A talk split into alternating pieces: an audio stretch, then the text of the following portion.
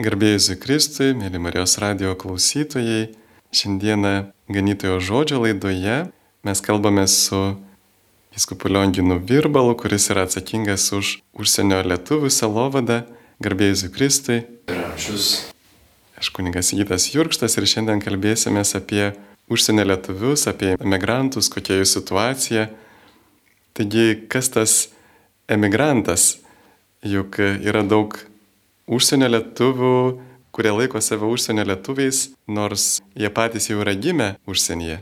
Bendrai sutariama, kad e, tam tikros trys bangos, tokios ryškesnės, viena XIX amžiaus pabaigoje, kita XX amžiaus pradžioje išvyko, tai didžioji dalis į Junktinės Amerikos valstijas, šiek tiek Kanadą ir paskui jau trečiame, ketvirtame dešimtmetyje į Pietų Ameriką. Ir tada antroji banga jau po karo, kai traukėsi nuo Raudonosios armijos, nuo to siaubo, kuris grėsė Lietuvai žmonės. Tai ta perkeltų žmonių stovyklas, e, People ir, ir tada dipukų tas vardas prigijo nuo to DP sutrumpinimo. Ir jie taip pat apsigyveno didžioji dalis už Atlanto, bet taip pat kai kurie Europoje ar Australijoje. Ir trečioji banga yra jau po 90 metų Lietuvai atgavus nepriklausomybę. Vėl didžiulis skaičius lietuvių išvyko į vairias pasaulio šalis ir šį kartą labai didelis Europoje. Įvairiose šalise kaip e, Anglija, Airija, Norvegija. Be abejo, buvo anksčiau dar Ispanija, dabar gal sumažėjusi ten bendruomenė. Tai labai daug žmonių ir tie, kurie jau palikuonės tų pirmų išvykusių, jie dažniausiai jau nebemoka lietuvių kalbos, bet jaučia tam tikrą sentimentą, pagarbą Lietuvai kaip savo protėvių žemiai. Tai užsienyje tie, kurie susiję su Lietuva, jų yra tikrai daug, bet labai įvairių žmonės. Nuo tų, kurių seneliai proseneliai tik tai buvo lietuviai, iki tų, kurie išvyko dabar ir gal kas mėnesį sugrįžta į Lietuvą aplankyti tėvų ir arba tik laikinai išvažiuoja gyventi. Taigi labai įvairi ta tikrovė imigrantų. Bet labai dažnai turbūt lietuviai išvyksta galvodami, na tai čia biletai lėktuvo nebrangus, aš grįšiu, aplankysiu savo tėvus, savo artimuosius. Ir paskui taip išeina, kad e, žmogus įsidarbina ir jam jo neišleidžia kitų laikų, kaip tik tai per kasmetinės atostogas ir taip išeina, kad jie savo tėvus gali aplankyti kartą metuose. Ar dažnai tokių situacijų būna, bent jau man lankant ligonis visai neretai tenka susidurti su tokiais apleistais seneliais Lietuvoje. Taip, visokių situacijų būna ir tai, kai kalbam apie Europą, tai taip, palyginti nėra sudėtinga, na, net ir savaitgaliu, jeigu kurie nori, bet įvairios situacijos ir nėra taip paprasta. Bet jeigu kalbam apie už Atlanto šalis esančias, tai tikrai nėra paprasta ir lėktuvų biletai brangus ir kelionė didelė ir tikrai nėra lengva ir paprasta jiem, o tuo labiau iš Pietų Amerikos. Dabar ten nuvykusių tai labai mažai yra, bet daug yra Junktinėse valstijose ir Kanadoje ir kai kur kitur. Tai jie jau ir planuoja galbūt kas keletą metų sugrįžti į Lietuvą. Kaip jums teko girdėti, ar šiuo metu lietuviai bėga iš Lietuvos, galbūt Lietuvoje jau gyvenimas taip pagerėjo, kad e, lietuviai vis dėlto grįžta ir nori pasilikti. Na tai oficiali statistika, kad per paskutinius dviejus metus yra daugiau sugrįžtančių Lietuvos piliečių į Lietuvą negu išvykstančių. Tai jau irgi tas šiek tiek tendencija sugrįžimo, bet ji nėra labai ryški. Ir nostalgija, namų ilgesys turbūt yra kažkas tokio, kas įrašytas žmogaus prigimtyje, turbūt nėra tokių žmonių, kurie nesilgėtų savo namų gimtojo krašto. Mes vėl, kai kalbam apie užsienį gyvenančius lietuvius, tai turim matyti labai plačią tikrovę. Tie, kurie gimė Lietuvoje, kurių tėvai Lietuvoje, draugai, artimieji ir visi be abejo, kad ilgesi ir nori aplankyti, ir nori sugrįžti turbūt. Ir kai kalbam apie, pavyzdžiui, Argentinos ar Urugvajaus lietuvius, tai jie ten gimė, jų tėvai ten yra gimę ir jie sako, aš labai myliu Lietuvą, man labai svarbi yra Lietuva, jie, jie išmokė ir kalbą, ir kultūros dalykai jiem artimi, sako, bet aš Lietuvoje negalėčiau gyventi. Sako, tai yra kita aplinka, kitas klimatas ir tai sako, aš man labai noriu atvažiuoti ir dažnai kiti atvažiuoja, bet jie, jų tevinė tai yra jau kita šalis, jų šaknis ten. Kartais pagalvoju, kad kaip gerai yra būtent sava šalis, nes kai tenka nuvažiuoti kokias nors jaunimo dienas ar į kokią Portugaliją ar kitur, kai pamatai, koks ten klimatas visai kitoks, kaip karšta per dieną ir tada taip džiaugiesi, kad gali grįžti į Lietuvą, čia yra viskas taip, kaip reikia, net gal atrodo, kad negalėtum kitaip. Turbūt tie, kurie gyvena kitam krašte, jie galvoja, būtent ten yra taip, kaip reikia, o Lietuvoje yra šalta, tamsu, nėra saulės visą žiemą ir kaip ten galima išgyventi, tiesiog kai pasakoja apie Lietuvos gamtą, klimatą, kiti taip kraipo galvą, sako, tai čia įmanoma gyventi tokiuose aplinkybėse. O galbūt tas sielos ilgesys sugrįžti na galbūt tai yra ir mūsų ne tik tai žmogiškos prigimties, nes ir, nu, ir gyvūnai turi tokį instinktą sugrįžti į savo namus, kartais labai netgi tiksliai pataiko į tą vietą sugrįžti, bet galbūt tai net ir mūsų sielos įrašytas tas toks troškimas grįžti į Dievo namus, Čia jau šventasis Augustinas, ar ne, kad mūsų nerami širdis ir ne, neras to atilsio polisio, kol nesusilies su Dievu, tai tikrai yra tas troškimas vienaip ar kitaip. Ir tai matyti bendraujant su visais žmonėmis, taip pat ir tais, kurie yra išvykę ir jų skirtingas ryšys su bažnyčia, skirtinga tikėjimo praktika, bet vis tiek jinai išlieka ir per šventes, ar kažkokios asmeninės progos, arba gyvenimo tam tikras sukretimas ir, ir žmonės labai jautriai tada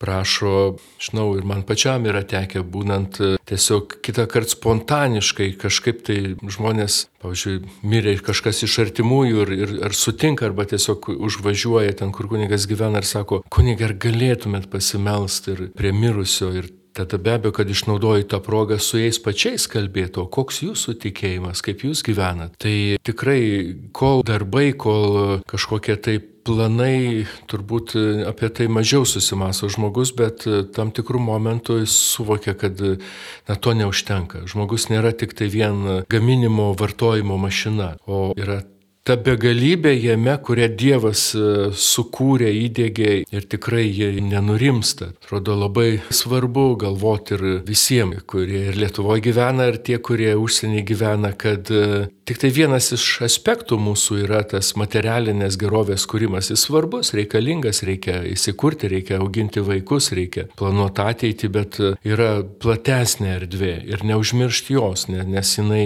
tik tai viena gali suteikti gyvenimo pilnatvę. Jūs vardinate tuos nesuskaičiuojamų migrantų srautus, kurie atvyksta į Lietuvą, į Europą ir kurie visiškai tiesiog rizikuoja gyvybę. Kas ten yra, ar jie iš tikrųjų tiesiog vien dėl ekonominių priežasčių čia tikisi atrasti rojų, ar iš tikrųjų yra tokios nepakeliamos galbūt sąlygos, konfliktai, kad jie čia taip veržiasi net tikrai aukodami savo gyvybės. Man neteko bendrauti tiesiogiai su jais, tai aš negaliu atsakyti, bet e, tiek, kiek domėjausi, kiek skaičiau, kiek mačiau pokalbių, reportažų, tai yra labai įvairios sąlygos. Na, yra ir tiesiog e, ieškančių geresnių gyvenimo sąlygų, na, man atrodo, labai panašiai ir lietuviai elgėsi, ar ne, vykti kitą kraštą, kur galbūt bus geriau. Nors įmanoma gyventi ir Lietuvoje buvo bet kokiu momentu, bet vis tik tai išvykdavo ir ieškodavo, tai yra tokių, bet yra tokių, kuriem iš tiesų labai pavojinga pasilikti dėl įvairių priežasčių, dėl politinių priežasčių, dėl kažkokių ginčių tarp šeimų, tarp klanų, tai mes Afrikos kokia ar Azijos tikrovė yra visai kitokia negu mūsų, mes ne, neturim įsivaizduoti, įsivaizduoti, kad tai jie gyvena taip, kaip čia kokiam nors, na, Lietuvos miestelėje ir, ir tada sugalvoja išvažiuoti. Na, tai dažnai tas gyvenimas būna dramatiškas ir e, tiesiog e, tie likimai žmonių yra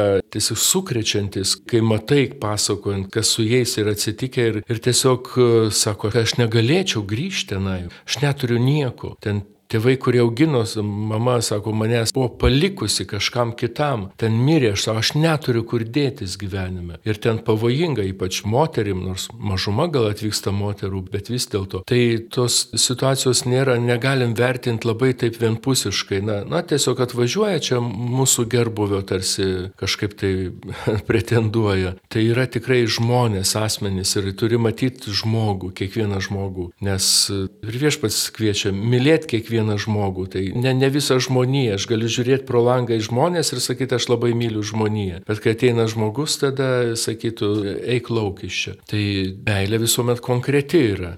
Tai ir kai skaitau Evangeliją, nėra pribojimų, kad, na, mylėkite tuos, kurie jums, na, tik tai labai geri, patinka, simpatiški. Ne, sako, mylėk visus ir, ir savo priešus. Tai meilė yra universali, čia yra Evangelijos žinia. Kaip tą meilę parodyti, taip, reikia išminties. Vėl tada kiekvienu atveju gal kitą kartą ir meilė vaikui bus neleist daryti tai, ko jisai užsispyręs nori. Tai nebūtinai įgeidžių tenkinimas meilė, bet meilė visuomet. Kaip Jūs vertintumėte dabartinę Lietuvos tokią nuostatą imigrantų atžvilgių, nes vis tiek mes matom, kiek daug yra lietuvių emigrantų, kiek daug yra lietuvių, kurie tikisi sulaukti svetingumo ir sulaukia daug svetingumo kitose šalise. Ir ypatingai dabar tie įvykiai iš Baltarusijos atvykusiais migrantais tikrai atrodo, kad Lietuva elgėsi pakankamai žiauriai ir nesvetingai su jais, ar tai yra vat, kažkokios irgi baimės tų teroristų. Ir kaip mes kaip katalikiška šalis, taip panašu, kad, na, aš asmeniškai pažinau keletą tų imigrantų, štai pavyzdžiui, vienas jis buvo susirgęs sunkia lyga ir jam po operacijos pasidarė komplikacijos ir kai jis įskusdavosi, peržiūrėtojams tuose stovyklose sakydavo, kad, na, sako, mes negydytojai, sako, čia ne mūsų problema, Ir kai jam gal, galų galę net pradėjo tekėti iš pilvo pūliai, sakydavo, eik nusipraust. Ir tik po kelių mėnesių jį perkelė į ligoninę, na tikrai buvo toksai žiaurus elgesys su imigrantais. Kaip vertintumėt dabartinę Lietuvos nuostata imigrantų atžvilgių. Na tai tie konkretūs atvejai tai turbūt atspindi mūsų požiūrį, tarsi tokį visuminį požiūrį, kad visi yra apsimetėliai, visi kažko tai, na, tam tikrų tikslų siekia ir tada nereikia paisyti. Aš manau, kad yra ir įvairių situacijų, gal ir yra ir tikrai ir, ir nuoširdžios pagalbos, nėra vien neigiami aspektai ir, ir yra žmonių, kurie nuoširdžiai dirba ir, ir stengiasi atlikti gerai savo darbą ir, ir padėti tiem žmonėms bet e, turbūt e, konkretus pavyzdys rodo, kad tai ne visuomet dėja tai vyksta. Tai vėl ta sudėtinga tikrovė, kur gali būti žmonių, kurie ir e, kažko tai negero siekiantis atvyksta arba siunčiami, bet ir yra tų žmonių, kuriem tikrai reikia pagalbos. Tai matymas konkretaus žmogaus, nesuniveliavimas visų po vienu vardikliu tikrai turi būti e, atidumas žmogui. Kaip ir visur, ne, ne tik tai matymas masių, bet žmonių ir žmonių likimų. Kaip manote, su kokiamis problemomis dažniausiai susiduria lietuviai emigrantai užsienyje? Tiesiog mano užduotis, mano darbas, e, aišku, selovada, atsakingas už selovadą, tai daugiausiai kalbame, susitinkam, e, bendraujam būtent parapijose, misijose, bažnyčiose, ten, kur lietuviai susirenka Be abejo, kad jie išsako visą savo gyvenimą. Kol kas e, tik tai keletą mėnesių, pusę metų, kaip tą užduotį turiu, tai įvairios e, situacijos yra žmonių ir vieniems pavyko įsikurti ir jie tikrai kažkaip tai įsitvirtinę ir šeimos turi darbus, vaikai studijas. Kitiems nėra lengva arba kažkaip tai keliai išsiskyrė ir, ir, ir šeimos, ypač jeigu viena pusė pasiliko Lietuvoje, kiti išvažiavo, tada vėl tas atitolimas vienas nuo kitų, arba net ir dalis, ypač pradžioje migravėje, kažkaip stengiasi tarsi kuo daugiau integruotis į tą visuomenę, kurioje jie atsidūrė, naują visuomenę, naują šalį. Ir pavyzdžiui, net su savo vaikais kažkaip tai kalbėdavo to šalies kalba arba lietuviškai nelabai. Ir žinau konkrečių atvejų, kai po dešimties ar kiek metų vaikai jau išaugo, jau jie jaunuoliais tapo Ir tėvai staiga suvokė, kad jie nebegali susikalbėti, jie nebeturi kalbos, su kuria galėtų kalbėti su vaikais. Tai vaikai lietuviškai nemoka, o jie išvažiavę iš Lietuvos, taip, jie to krašto kalbą moka, bet jinai dažnai yra tokia ribota kalba. Ir gali susikalbėti apie polisį, apie maistą, apie dar kažką tai, Bet kas dedasi širdyje, ką išgyvena, kaip jaučiasi, jie, nebegali susikalbėti, nes nėra bendros kalbos su jais. Tai ir kartais tėvai tiesiog e, susielvartu ateina ir skundžiasi, ką man dabar daryti. Tai iš tiesų nėra tik tai lietuvių kalbos arba tokios tradicijos, šeimos, savo krašto tradicijos išlaikymas, na tai čia toks priedas tarsi prie to gero gyvenimo kažkokiam kitam krašte. Bet tai yra tapatybės mūsų dalis Ir kai to nelieka ir žmogus skurdesnis tampa be tos tapatybės, be tos tradicijos ir kažkaip atitrūksta ir lieka ir vienišesnis, ir, ir jam sunkiau gyvenime. Nekalbant be abejo ir apie tikėjimą, jeigu jisai užmirštamas, jeigu tėvai neperdoda tam tikro impulso, tam tikrų pagrindų vaikams, jiem vėl gyvenime sunkiau susiorientuoti ir vėl atrasti, susivokti, kas yra svarbu gyvenime ir kaip reikia gyventi. Gerbėmi Marijos radio klausytojai, jūs girdite laidą Ganytojo žodis. Šiandieną kalbame su vyskupu Lionginu Virbalu, atsakingu už užsienio lietuvių katalikų sielovadą, aš kunigas Sigitas Jurkštas. Ir kaip elgtis tiems emigrantams, kurie gyvena ten, kur nėra šalia lietuvių katalikų, ar apskritai katalikiškos bendruomenės, ar jie galėtų eiti į kitas krikščionių bažnyčias, pavyzdžiui, liuteronų pamaldas, į ortodoksų. Dabar galvoju, kur galėtų būti tokios sąlygos. Ten yra katalikų bažnyčios, yra viskupijos, yra parapijos, gal jos nebus labai arti, ne visuomet bus arti, bet jos yra. Ir taip pat Skandinavijos šalyse nuvyksta lietuviai kunigai. Tai svarbiausia yra noras, yra troškimas. Tai visuomet galime surasti. Ten, kur lietuvių kalba pamaldos, labai kviečiam, skatinam ir ieškoti, žiūrėti ir jas surasti. Taip pat žiūrėti, kur yra katalikų parapijos parapijos. Na, jeigu žmogus dirba tame krašte, tai jūs kalbą moka ir e, gal tai kitas žodynas bažnyčioje, bet tai tikrai nėra neįveikiama kliūtis ir galima dalyvauti. Ten, kur e, visai nėra katalikų, tai ortodoksų bažnyčiose katalikai gali ne tik dalyvauti, bet ir priimti e, kai kuriuos sakramentus. Tai yra susitaikymo sakramentą, Eucharistiją, ligonių patepimą. Ten, kur tikrai neįmanoma pasiekti katalikų kunigų. Na, panašiai ir stačiatikiai arba ortodoksai taip pat gali katalikų bažnyčioje tuos sakramentus priimti. Mes pripažįstam juos e, yra tikri sakramentai, mes taip pat žvelgiam į juos, juos priimam ir e, esant būtinam reikalui, kai negalim pasiekti katalikų bažnyčios, galima tuo pasinaudoti. O jūs taip pat neseniai lankėt lietuvius Amerikoje. Mums turbūt kaip lietuviams labai aktualu, kas dedasi Junktinėse Amerikos valstijose, jų politinė situacija, nes nuo to tikrai tiesiogiai priklauso mūsų saugumas. Ar mus gins amerikiečiai atėjus tam tikrai valdžiai ir kuo ten žmonės gyvena ir atrodytų, kad jiems dabar šiuo metu yra sunku siekti va tokios vidinės vienybės pačioje Amerikoje.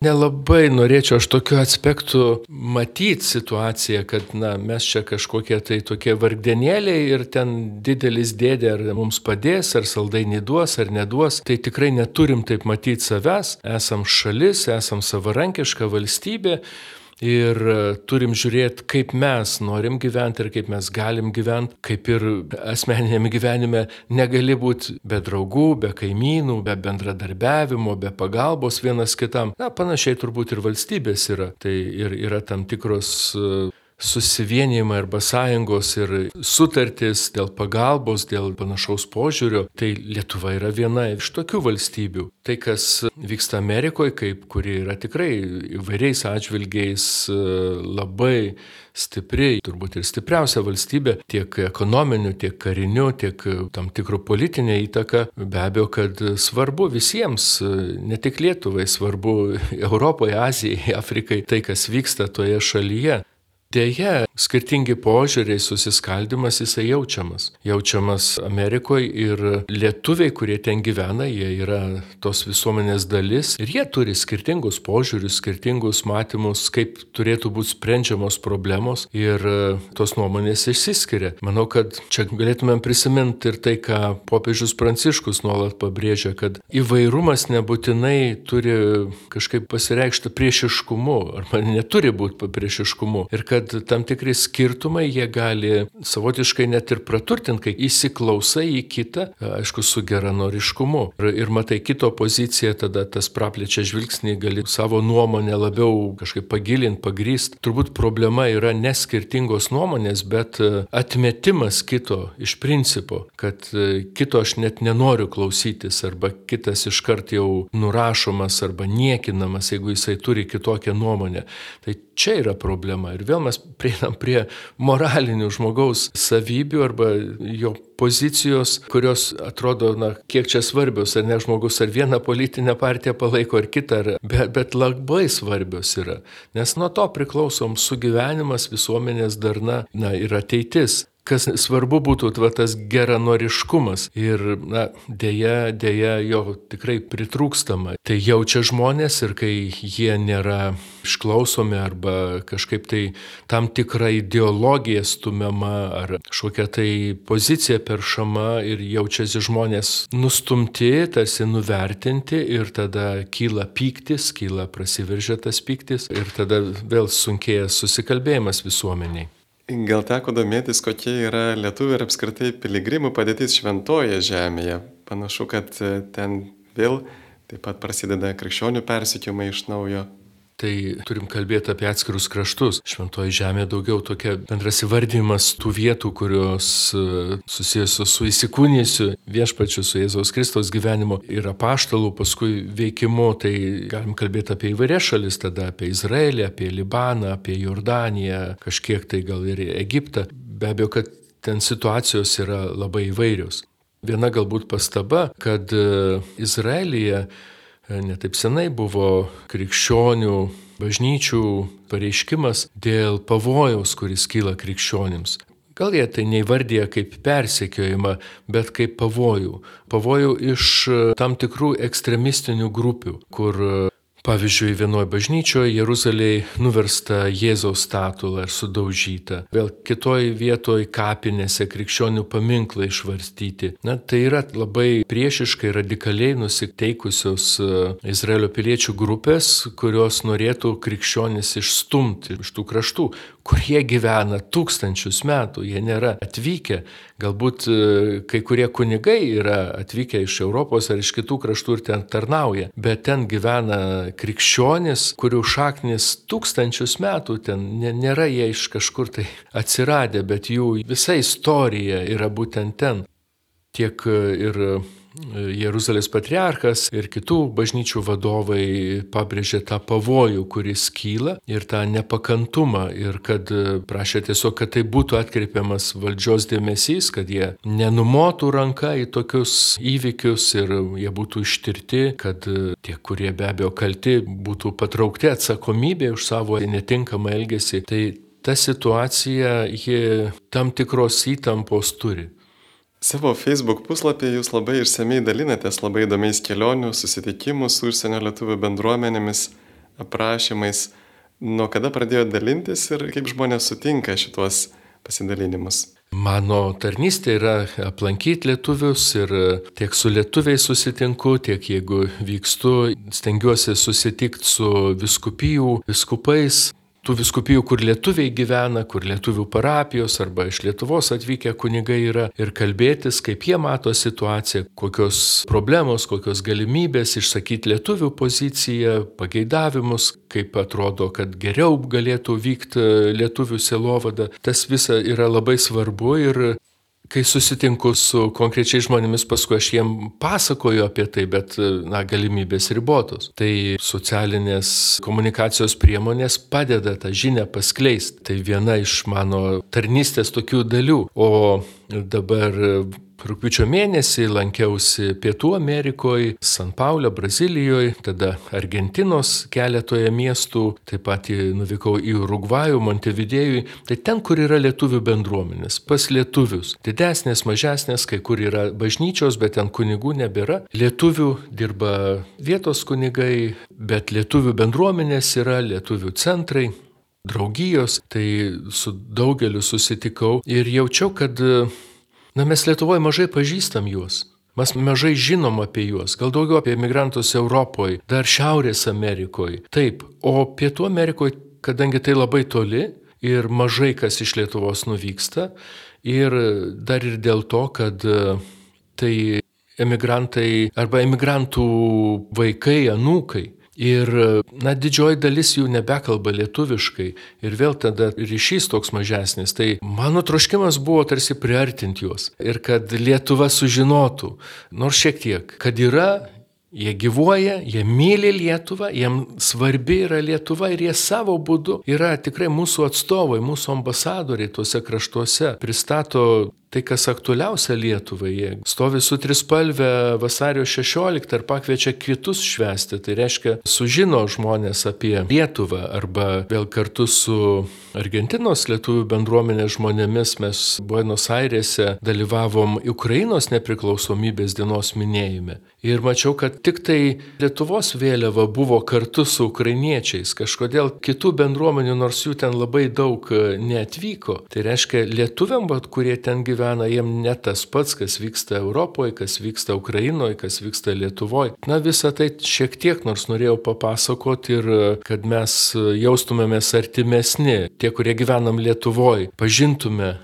lietuvius ir lietuvių kilmės žmonės Pietų Amerikoje ir vėl per savo apsilankymą kažkaip priartint jiem Lietuvą ir Lietuvos gyvenimą ir duoti tam tikrą tikėjimo impulsą, nes kai nebėra lietuvių kunigų, be abejo, jie dalyvauja savo parapijų gyvenime, kurie yra tikintis, tai yra katalikiški kraštai, bet e, svarbu ir lietuvių bendruomenės ne tik kultūrinis veikimas, bet ir religinis, nes nuo pat pradžių išliko arba statės bažnyčios ir yra dabar tos išlikę bažnyčios tiek San Paulė, tiek šalia Buenos Airių, tiek Montevidėjui, nors ir tarnauja ten jau nebe lietuviai kunigai, bet įeini bažnyčią ir supranti, kad tai yra Lietuvos dalis. Matai aušros vartų paveikslą, matai šiluvos altorių, matai šventą Kazimerą, dažnai stovi trispalvės ir dabar Vilniaus vaizdai, kitų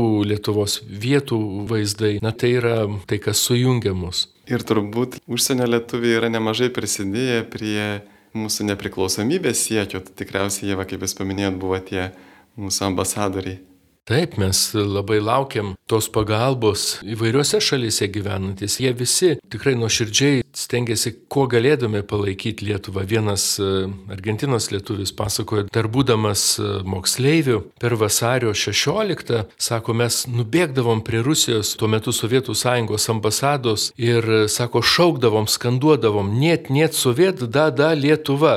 Sako, ne, ne, sovietam, taip, taip, Lietuvai. Ir, sako, tada bėgdavom tolyn, nes, nu, nu, tai ne, ne kažkoks oficialus mitingas, bet jie spontaniškai tą išreikšdavo. Ir be abejo, ką bekalbėti apie visą Šiaurės Amerikos lietuvių indėlį, tai jisai na, nesuskaičiuojamas. Negali pervertinti to indėlio tiek skleidžiant žinę apie Lietuvą, apie Lietuvos katalikų bažnyčios kronikos spausdinimą, vertimą, kalbėjimą apie tai su politikais ir po to Lietuvai paskelbus nepriklausomybę, tą pastangas, kad ji būtų pripažinta Lietuva, pastangas apsaugoti ją ir suteikti pagalbą, vystyti ekonomiką, padėti, kad įsijungtų į tas vakarų Europos ir vakarų pasaulio sąjungas, kur, na, tikrai tikim, kad galėtų apsaugoti. Tai ta didžiulė pagalba. Ir, na, dabar tarsi Lietuva nepriklausoma ir Atrodo, kad e, pati Lietuva truputėlį gal tarsi nebe tiek vertina išeivius. Na, mes gyvenam čia ir ta dalis lietuvių, kurie gyvena užsienį, kažkaip tai mažiau mūsų dėmesio centre. Ir tai vienas iš tų dalykų be abejo yra, kuris aktualus, kuris svarbus, tai kad e, įgyja kitos šalies pilietybę, lietuviai praranda Lietuvos pilietybę. Ir tuo būdu tarsi Lietuva nubraukia savo vaikus, e, savo tautiečius skaičius ir jeigu mes skaičiuojam, kad tai yra šimtai tūkstančių, tai tikrai nesam ta milžiniška tauta, kur galėtų numoti šimtus tūkstančių savo piliečių ir, ir nesvarbu, kaip jie gyvens. Tai man atrodo labai aktualu būtų, kad tie, kurie na, gimimu jau turi Lietuvos pilietybę, kad jie jos neprarastų, nes jiems svarbi Lietuva, jiems svarbi atstovauti ten, kur gyvena, jiems svarbu žmonės, kurie čia pasilikę, jų tėvai, jų artimieji, jų namai, jų gimtinės, jų mokyklos, jų kaimai, miestai. Tai tikrai Lietuva laimėtų labai daug, jeigu jie, na, liktų piliečiais ir galėtų, kuo jie sugeba prisidėti prie Lietuvos gyvenimo. Ačiū už šį įdomų pasakojimą. Ir dar pabaigai paminėkite, kas jums buvo sunkiausia ir teikia didžiausią džiaugsmą per šį dešimties metų buvimo vyskupo laikotarpį, nes visai neseniai jūs paminėjote tą dešimties metų jubiliejų savo viskupystės. Visuomet džiaugsmas yra bendravimas su žmonėm, susitikimas su žmonėm, tai per šį laikmetį man tiesiog e, išsiplėtė milžiniškas ratas žmonių, su kuriais susitikau tiek Lietuvoje, tiek užsienį, pažinti jų gyvenimus, jų situacijas. Tai be galo praturtina ir kažkaip pagyvina ir mano gyvenimą, ir mano bendravimą, žvilgsnį. Tai buvo tikrai tokia didžiulė Dievo dovana. Džiaugiausi, kai galėjau padėti, kai galėjau patarnauti, ar tai sutvirtinimo sakramentą teikdamas arba aplankydamas parapijoje ir matydamas jų tam tikrą, na, tokį norą, troškimą ir, ir džiaugsmą tuo apsilankimu. Na ir gal visuomet sunku, kai tai nepavyksta, kai nepavyksta padėti žmonėm, kai nepavyksta pakeisti situacijos, kuri yra sudėtinga, nėra gera dėl žmogiškų silpnybių, dėl kažko tai, kas netinkamai darosi ir esam žmonės, esam riboti, ne, negalim kitų pakeisti Save sunku pakeisti, o apie kitus tai net neįmanoma, bet vis tik tai, kai yra atsakomybė ir už kitus, na, reikia žiūrėti, kad tikrai būtų taip, kaip tinkamiausia būtų patarnaujama žmonėm, kad jie galėtų tikėjimo keliu eiti. Tie momentai, kai tai ne, nepavykdavo, kai jaučiau, kad na, negaliu atsiliepti taip, kaip žmonės kokį lūkestį turi. Be abejo, kad tai visuomet būdavo sunku, bet žengi tam tikrą žingsnį ir kiekviena situacija vėl atveria naujas galimybės ir tikrai išlieka troškimas būti su žmonėmis ir būti su Dievu ir atskleist tą didžiulį gražų tikėjimo horizontą, kuris pildo žmogų džiaugsmo, duoda tą pilnatvę ir kaip ir kalbėjomės, kad tik tai Dievas gali pripildyti žmogaus širdį ir kai prie to prisidedi, jautiesi, kad ir pats gauni labai daug ir tai ta dovana yra ir man, ir kitiems, su kuriais galiu dalintis. Labai dėkojame Jūsų ekscelencija už šitą pasidalinimą, tikrai praturtinote mus. Gerbiami Marijos radio klausytojai, girdėjote ganytojo žodžio laidą, kurioje dalyvavo viskupas Lionginas Virbalas, atsakingas už užsienio lietuvių selovadą ir laidą vedžio aš kunigas Sigitas Jurkštas. Iki kitų susitikimų ir pabaigai paprašysime ganytojo mus palaiminti. Melskime, kad viešpats ten, kur esam, ten, kur gyvenam, būtų arti, kad mes patirtume jo artumą. Te duoda viešpats savo stiprybės, te stiprina mūsų tikėjimą, te gaivina viltį, te uždega meilę ir te laimina visagalis Dievas, tėvas ir sunus ir šventoji dvasia.